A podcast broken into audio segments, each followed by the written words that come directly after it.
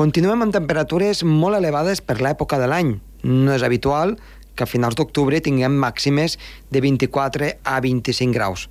Sembla que a partir de divendres començaran a canviar les coses i les temperatures han de tornar al seu lloc. I si més no, la veritable tardor començaria a arribar la setmana vinent. Comença el torn.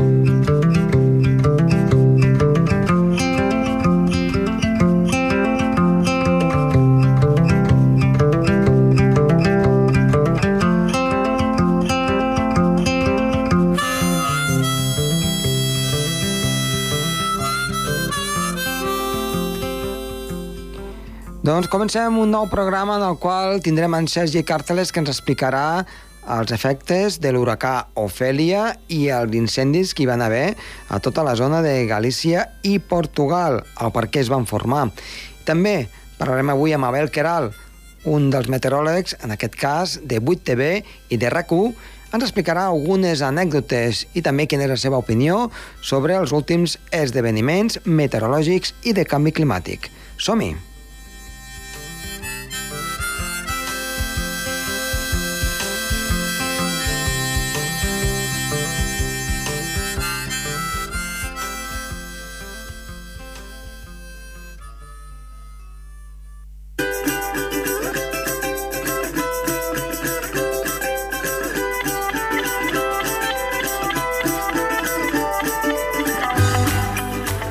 Doncs bé, comencem el programa i tenim a Sergi Càrteles que, com sempre, ens portarà les novetats eh, de la setmana des del punt de vista meteorològic.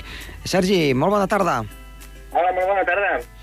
Aquesta setmana la situació sembla que és més tranquil·la, amb anticicló, però déu nhi venim d'una setmana anterior en la qual les precipitacions han estat protagonistes juntament amb una sèrie de fenòmens meteorològics que doncs, ja, vam, ja vam destacar. Eh, què ens portes per, per aquesta setmana? Doncs mira, per aquesta setmana porto dues temàtiques que venen molt lligades al de la setmana anterior, però ja és més per enfatitzar sobre tot això que ha passat. Uh mhm. -huh. La primera temàtica serà aquests efectes de l'huracà Ofèlia, que, vulguis o no, així de, de, de rasquis, no podríem dir-ho, ens, ha, ens ha afectat al final amb totes aquestes pluges, grans precipitacions que vam tenir doncs, la setmana passada, i després també doncs, explicar que a causa d'aquest huracà Ofèlia eh, també va ajudar a que hi haguessin tants incendis a Galícia i a Portugal. O sigui que explicarem una mica eh, aquests dos eh, fenòmens. D'acord. Doncs comencem per, per l'huracà. Com, com ens va afectar? Doncs mira, al final l'huracà Ofèlia el que va produir, sí que és veritat que se'ns va anar de lluny, no? Eh, va anar-se'n cap al Regne Unit, però aquí ens va deixar una massa d'aire freda en altura que el que va causar va ser que es formessin aquí pluges molt intenses i tempestes que van escombrar tot el país espanyol i també doncs, van afectar aquí a Andorra. És més, aquí a Andorra van deixar uns valors bastant considerables. Per exemple, a Arcalís van caure 70 litres per metre quadrat entre el dia 18 d'octubre i 20 d'octubre, a Sant Julià uns 40, i podríem dir que a la resta del país doncs tranquil·lament queien uns 50 litres per metre quadrat de precipitació total. També va haver alguna enfarinada a 2.400 metres, però bé, eh, el que va passar no és que a superfície encara feia bastanta calor i és que vam tenir unes precipitacions on fins i tot podíem sentir una mica aquesta sensació de xafogó, perquè sí que és veritat que en altura hi havia masses d'aire fredes que ajudaven a aquesta convecció, però a superfície l'aire estava bastant calent i també va ser un al·licient no? perquè aquestes pluges es anessin reactivant contínuament i ens anessin deixant valors així. Per exemple, a Catalunya es van deixar valors també molt més eh, elevats. Per exemple, al Parc Natural dels Ports van caure fins a 200 litres per metre quadrat en aquest episodi de pluges. Aquestes pluges van escombrar tota Catalunya d'oest a est i bé, els valors que van deixar van ser entre 50 i 80 litres per metre quadrat per tota la regió i la veritat és que va fer molt de bé si no tenim en compte no, totes les destrosses materials que es podrien tenir en les riuades i tot això, que ja sabem sempre que, bé, la gent que aparca els cotxes, etc a les riuades, al final doncs sempre se les acaben enduent. Però sí que va fer molt bé, tant a Andorra com a, com a Catalunya, per exemple, perquè bé, tots els embalsos aquests que estaven quasi, quasi baix mínims ja, no? doncs es van poder omplir bastant. I bé, és això, l'huracà Ofèlia al final va afectar sobretot a Irlanda, al Regne Unit, va deixar algunes, algunes morts per les ventades i per les riuades, però bé, aquí ens va deixar un episodi de pluges bastant intens, però que al final sempre s'agraeix una mica la pluja després de tots aquests dies sense cap tipus de, pre eh, de precipitació i després de la tempesta doncs sempre ve la calma. I són aquests dies no, que tenim un anticicló a sobre nostra i cada moment és molt difícil que es formin tant núvols com, com algunes pluges. Et volia comentar so, justament eh, sobre aquests sistemes frontals que ens van creuar. Eh, sí. Bé, teníem, teníem el Mediterrani encara força calent i uh -huh. tothom pensava doncs, que vaja, la tardor estava finiquitada, que, que sí que plouria però no, no faria res. I clar, això és com una bomba latent que tenim allí, amb, aquest, uh, amb aquesta calor, i és que va ser arribar un sistema frontal i formar-se línies de turbonada, vam poder veure esclafits, eh, fins i tot alguna mànega eh, cap a zones de costa. El Mediterrani, veritablement, eh, té cops amagats i quan arriba un front en aquestes èpoques de l'any eh, l'acaba fent, que és com el que va passar.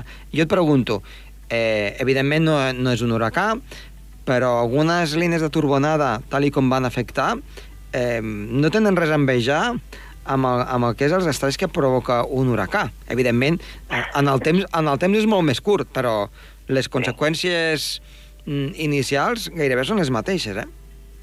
Sí, a part, aviam, el Mediterrani és un mar molt especial perquè és un mar molt càlid comparat, per exemple, amb l'Atlàntic. I, per exemple, un estudi que vaig fer jo sobre tornados, en aquest cas a, a Catalunya, doncs eh, mostraven de que els mesos de l'any on hi ha més aquests fenòmens, que estem parlant d'un fenomen meteorològic que només es pot causar a través de grans tempestes, no? era a finals d'estiu, principis de tardor. Concretament, els mesos d'agost, setembre i octubre, que és on estem ara mateix, uh mhm. -huh. eren els mesos que més favorablement podien haver aquestes tempestes amb aquests tornados. O sigui, sí que és veritat que la gent pot pensar que a l'estar a la tardor aquestes tempestes ja no poden estar a tots aquests territoris, però no és així. I és que l'aigua tarda molt més a refredar-se i també a calentar-se, i això fa doncs, que al final aquests mesos d'octubre sigui quasi, quasi quan és més fàcil la, la formació d'aquestes grans tempestes. I és que podem tenir masses d'aire bastant fredes en altura, però el Mediterrani segueix estant molt calent. Tranquil·lament, ara ens podríem anar a banyar. La gent valenta que es vulgui banyar encara podria banyar-se, uh mhm. -huh. perquè l'aigua la, del mar encara està bastant càlida, encara doncs, treu molta, molt de vapor d'aigua i això fa que sigui molt fàcil la formació de grans tempestes quan hi ha un petit eh, una petita massa d'aire, un petit front fred que ens, passa, que ens passa per sobre. Així que de moment, fins novembre, desembre, podem tenir encara algunes tempestes més. Uh mhm. -huh. I, I després ens volies comentar uh, també doncs, altres efectes d'aquest huracà, però en aquest cas a la zona del Cantàbric i de, i de Galícia, no?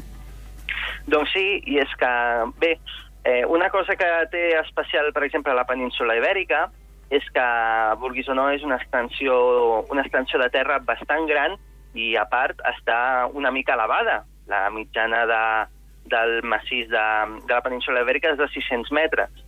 Amb això què volem dir?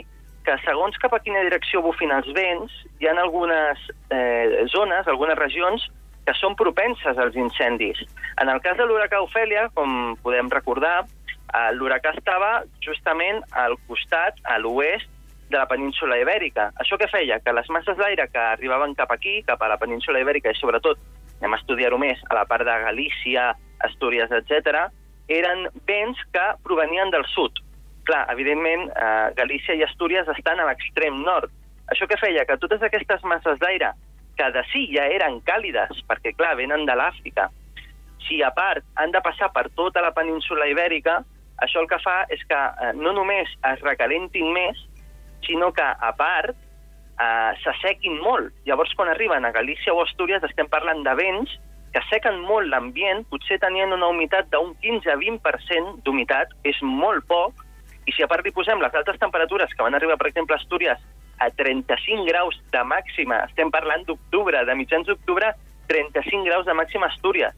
Això és que l'aire que va arribar cap allà a causa d'aquest huracà era molt calent i a part molt sec. I al ser tan sec, doncs clar, s'acaba molt la vegetació i a la mínima espurna, a la mínima cigarreta que caigués al terra o, com parlem, no, d'aquests terroristes medioambientals, uh -huh. ho tenien molt fàcil. Era molt fàcil crear grans incendis aquests dies perquè, bé, a part de que havia plogut poc, a part, doncs, si li, eh, si li donem aquest ingredient, que és un aire molt ressec i molt calent, era molt fàcil que es produïssin aquests incendis. Van esperar el moment adequat per crear, desgraciadament, doncs, tots aquests incendis que van afectar a la regió. Mira, jo mm, sempre tinc una, una, una, no una teoria, eh, ho dic, ho dic en veu alta, eh? que moltes vegades a, a els que ens dediquem a això doncs, eh, hi ha medis en els quals indiquem el risc d'incendis. Sí. I jo no sé si pensaràs igual, jo també et demano la teva opinió. Eh, la meva, eh? La meva és que jo crec que d'aquestes coses hi han coses que no es poden informar, perquè quan tu parles del risc d'incendis, moltes vegades doncs, causen l'error de dir és que ara es donen unes condicions que la situació és molt perillosa, etc etc i això, evidentment, és un caramelet per a aquests terroristes mediambientals.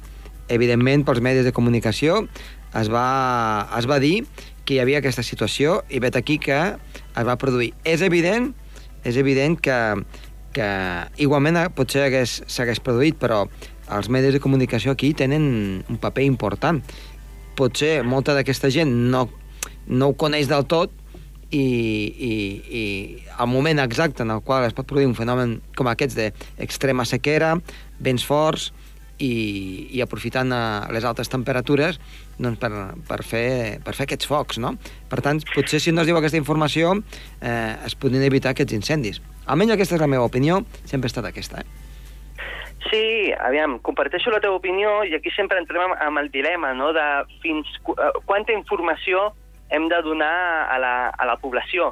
Perquè, clar, aquí entrem en el dilema de hauríem d'informar-ho perquè la gent és més en compte, evidentment, perquè, clar, eh, hi ha molta gent que no sap que, per exemple, aquell dia, aquell dia o aquell cap de setmana no és la setmana més adient per fer una barbacoa, uh -huh. però, clar, també hi ha aquesta gent que no té coneixements gaire del medi, però a través dels mitjans de comunicació es poden aprofitar per fer maldats. Exacte. Uh, uh, clar, els mitjans de comunicació tenim una gran responsabilitat, però jo crec que també uh, un problema que hi ha dels mitjans de comunicació, i no sé si tu opines el mateix, és que quan hi ha un gran incendi o hi ha hagut grans incendis provocats, aquestes notícies potser surten durant un, dos dies, però després aquestes notícies ja, un cop l'incendi s'ha acabat, ja no es deixa de comentar. Uh Mhm. -huh. Estem parlant de que segurament si al final acaben agafant aquests gamberros, com, com ho vulguem dir, no?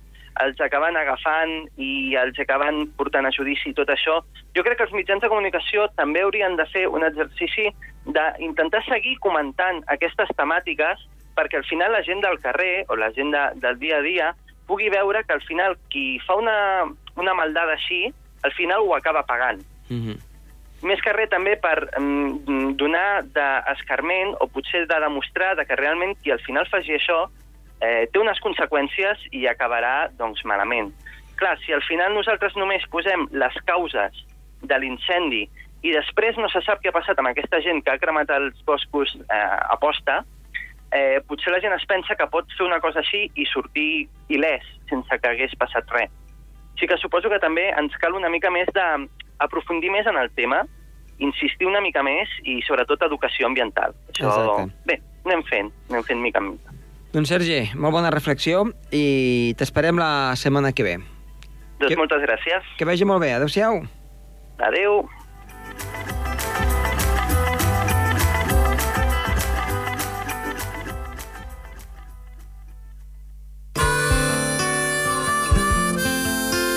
El Torb, amb Josep Tomàs.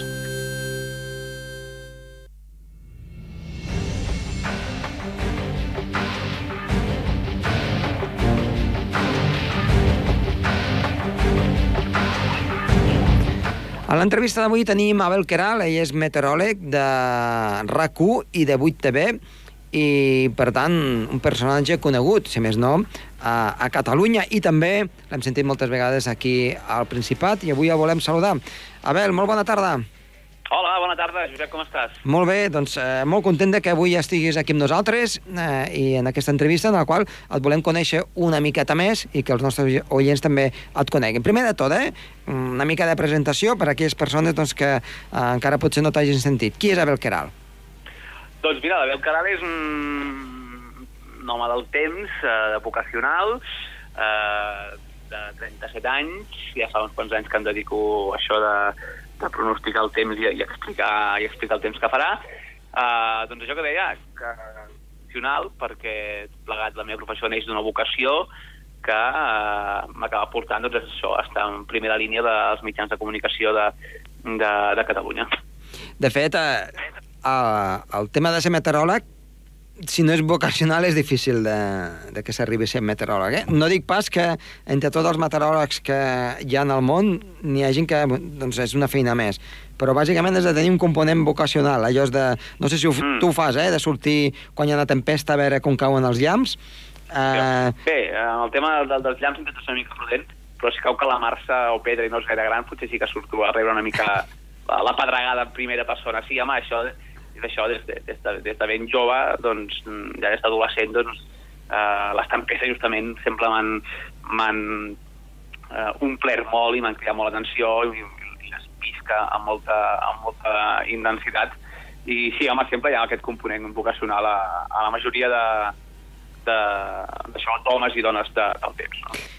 Eh, doncs, Abel, amb, amb, amb la teva feina, tant a rac com a, a, que és a 8TV, t'hem vist mo, moltes vegades. Explica'm una mica eh, alguna anècdota, perquè, eh, a veure, sobretot a, a rac eh, fan molta conyeta, no? Eh, ja, ja pots treballar d'aquesta manera? És possible ah, fer una predicció del temps d'aquesta manera? Sí, sí, clar, rac Home, entro moltes vegades, a, les meves cròniques fixes, diguéssim, a rac Uh, són cap a les 8 del vespre, entre 8, un quart de 9, dos quarts de 9 a, Islàndia, el programa d'Albert Tom. Uh, aquestes són les fixes, però sí hi ha molts dies també que entro al, al versió RAC1, el programa de, de, les tardes uh, radiofòniques a Catalunya, a RAC1, uh, del Toni Papés, i aquí sí que hi ha sempre molt més, un component molt més de, de conya. També és a Islàndia amb, amb l'Albert Tom, eh? vull dir, allà també eh, no, no, no fas una crònica, diguéssim, allò purament d'informatiu, eh, anant al gra, sinó que també amb Albert Tom sempre hi ha molt, molt de joc i, i és una crònica que dona molt de joc perquè eh, ells també m'ho permeten, diguéssim, no? explotar potser aquest cantó meu més així, doncs, eh, no sé com dir-ne. Sí, una, una, una, una, més distès, diguem-ne, no? Més distès. No tant d'informació tancada. Ah, sí, exactament. Però, clar, la, la versió recústica a vegades, eh, clar, entres a un programa en què hi ha una cartera de personatges eh, brutal, no? Hi ha una sèrie d'imitadors, Oriol Cruz, la, la Judit Martín, que són unes fieres de la, de la imitació, i de cop tu estàs fent una crònica i de cop et surt el, el, la imitació del Tomàs Molina, o et surt un personatge que et critica no sé què, que es fot amb tu, que et diu no sé què. Eh, però bé, també, clar, ja porto ja 11 anys, més d'11 anys treballant a, a rac i entrant al, al versió, i de mica en mica doncs, a, vas aprenent a, a, a jugar a aquest joc i a més a més m'encanta, vull dir que, que, que és una cosa que, que, que m'agrada molt i ja ens coneixem molt també amb ells, amb tot l'equip Potser l'únic hàndicap que tinc és que jo no estic físicament a la ràdio, sinó que jo entro des de la tele, a ja. través d'una línia XSI, i llavors potser sempre, si, si estàs allà i veus més per on van els trets i quin personatge t'entra altre, ara qui et talla, però bé, eh, sí, vas, vas aprenent a, a, a jugar i, i sí que és cert que si, per exemple, un dia és una situació que estàs parlant, doncs, mm, eh, d'un tema, doncs, no sé, d'algunes inundacions o que hi ha tempestes fortes, que hi està la calamarsades, ventades fortes, llavors sí que eh, el Toni mateix suposo que ja ell es fica amb el xip més d'alerta, ara això és més seriós, eh, menys conya i, i que la el pugui explicar bé i sense que el tallem i tal eh, i poder fer la, la, la crònica, però bé eh, estic acostumat a, a fer la crònica així amb, això et deia, amb personatges que van entrant i sortint i, i a mi m'agrada. I a més a més sempre doncs és una manera diferent de donar la informació i jo crec que a més a més sempre donant la informació i, i, i, i donant a entendre el que, el que vols explicar, no? Eh, jo no sé si, si fas la mateixa cara, eh, ara no ho sé, però almenys aquests altres anys, a 8 TV, a 8 al dia, quan et venia eh, el senyor Cuní et deia vas dir que plouria i almenys damunt de casa meva no ha plogut. La cara que, la cara que se't ficava era una altra, eh? Home, sí, clar, el, el Cuní li, tinc, li tinc molt d'apreci. Però, a veure, per, perdona, eh? Perdona. I això ho dic, això ho dic no pel Cuní, eh? Ho dic perquè en general, eh, si, quan fas una previsió, si els milions de persones que et puguin escoltar, si a aquesta persona no li plou al damunt i tu ho has dit, clar, es fa la previsió. Sí, sí, sí, no, no, sempre hi ha, uh, sempre hi ha el, el punt aquest. D'entrada sempre hi ha el marge d'error. Sempre dic, estem preveient el futur, estem Mhm. preveient el futur, estem explicant el futur. I no, i no tenim un, un joc de cartes, ni una, ni una bola de, de vidre, eh, ni ens basem en, en els astres, diguéssim. No estem explicant el futur, eh, i per tant aquí sempre s'ha d'entendre que explicant el futur sempre pot haver-hi un, un cert marge, marge d'error. I una altra cosa que jo sempre dic, si jo, en vez d'estar ara treballant al segle XXI, jo fos jo hagués nascut a l'edat mitjana, uh. -huh. uh, a mi ja m'haguessin, i a tu també, Josep, segurament, i ens haguessin cremat a la foguera. Exacte, per bruixots. Seríem bruixots que estem preient el futur. El que passa que estem molt acostumats a que hi hagi un tio, una tia, un, un home, una dona, un meteoròleg, una meteoròloga, a la ràdio, a la tele, uh, que ens expliqui el futur i, i, i sempre volem una precisió um, matemàtica. I moltes Sí. vegades, i tu saps, i, i segurament que molta gent que ens escolta també ho sap, i més a casa nostra, ja el sigui Pirineu o al Principat de Catalunya, eh, sigui en zones de muntanya, com de plana, com de costa, on sigui, eh, preveure el temps moltes vegades, en depèn quines situacions, és bastant, és bastant complicat. Mm. I que el Cuní, eh, ja que, ja que parlàvem d'ell, Sí. com el- me l'anomenaves, això que t'anava a dir, que tinc, hi tinc molt d'apreci i he après molt, eh, n'he après molt de fer tele amb ell, era una mica punyetero en aquest sentit, però jo crec que a ell ja li, li, li agradava, diguéssim, Allí, no? sí, punxar-me i, i, i tal. Mm, també era una mica un joc que teníem eh, ell i jo, que a vegades doncs, sí que em buscava una mica les pessigolles, però bé, mm, com et deia abans, també parlant de, de la ràdio, jo sempre m'he prestat molt a, a, jugar. Sí, ara, no, eh, ara que parlaves de futur, mm, només una petita precisió, eh, per- de, de, de res, de 30 segons. Com, mm. Com tu, des del teu punt de vista, com, com veus una mica el futur de, del nostre clima global?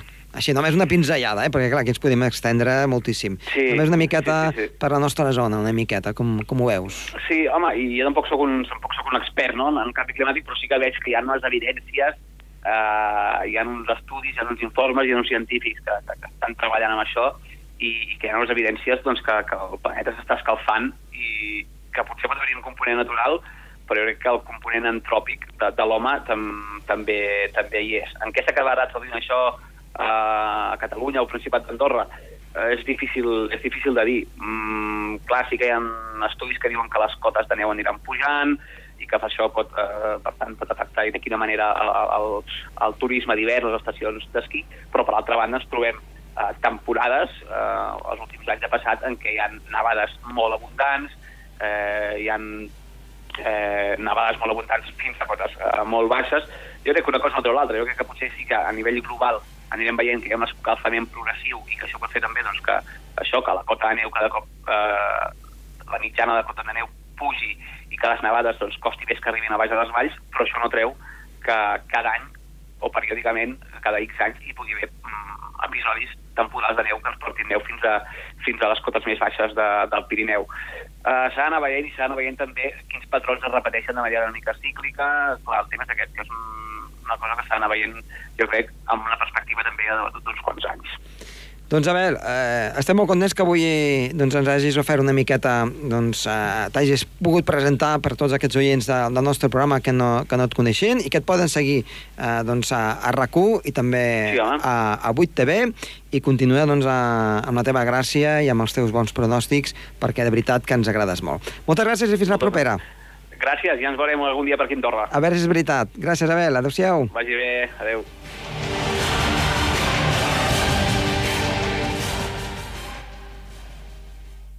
El Torb, amb Josep Tomàs.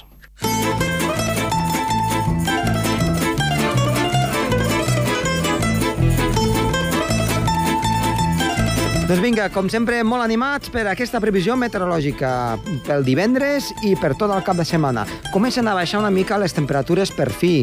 Hem tingut màximes de 24-25 graus a les zones baixes del país, però a l'alta muntanya hem arribat fins als 14-15 graus, això és a 2.000 metres, temperatures d'escàndol, podríem dir. Comencen a davallar al llarg de divendres, uns 4 o 5 graus, especialment al vespre, i després, al llarg del cap de setmana, tant dissabte com diumenge, continuaran davallant 4 o 5 graus més. Per tant, eh, pensem que al llarg del cap de setmana, especialment ja diumenge, tindrem les temperatures normals per l'època de l'any. Nuvolositat una mica a la cara nord, sense precipitacions, i la resta alguna nuvolada que es aniria creuant, i vents en alçada del nord al nord-est que podrien ser moderats. Es portaria, doncs, una mica de vent i de fresca des de centre Europa que arribaria aquí, però, això sí, amb aquestes temperatures eh, màximes que per fi tindrien tendència a davallar.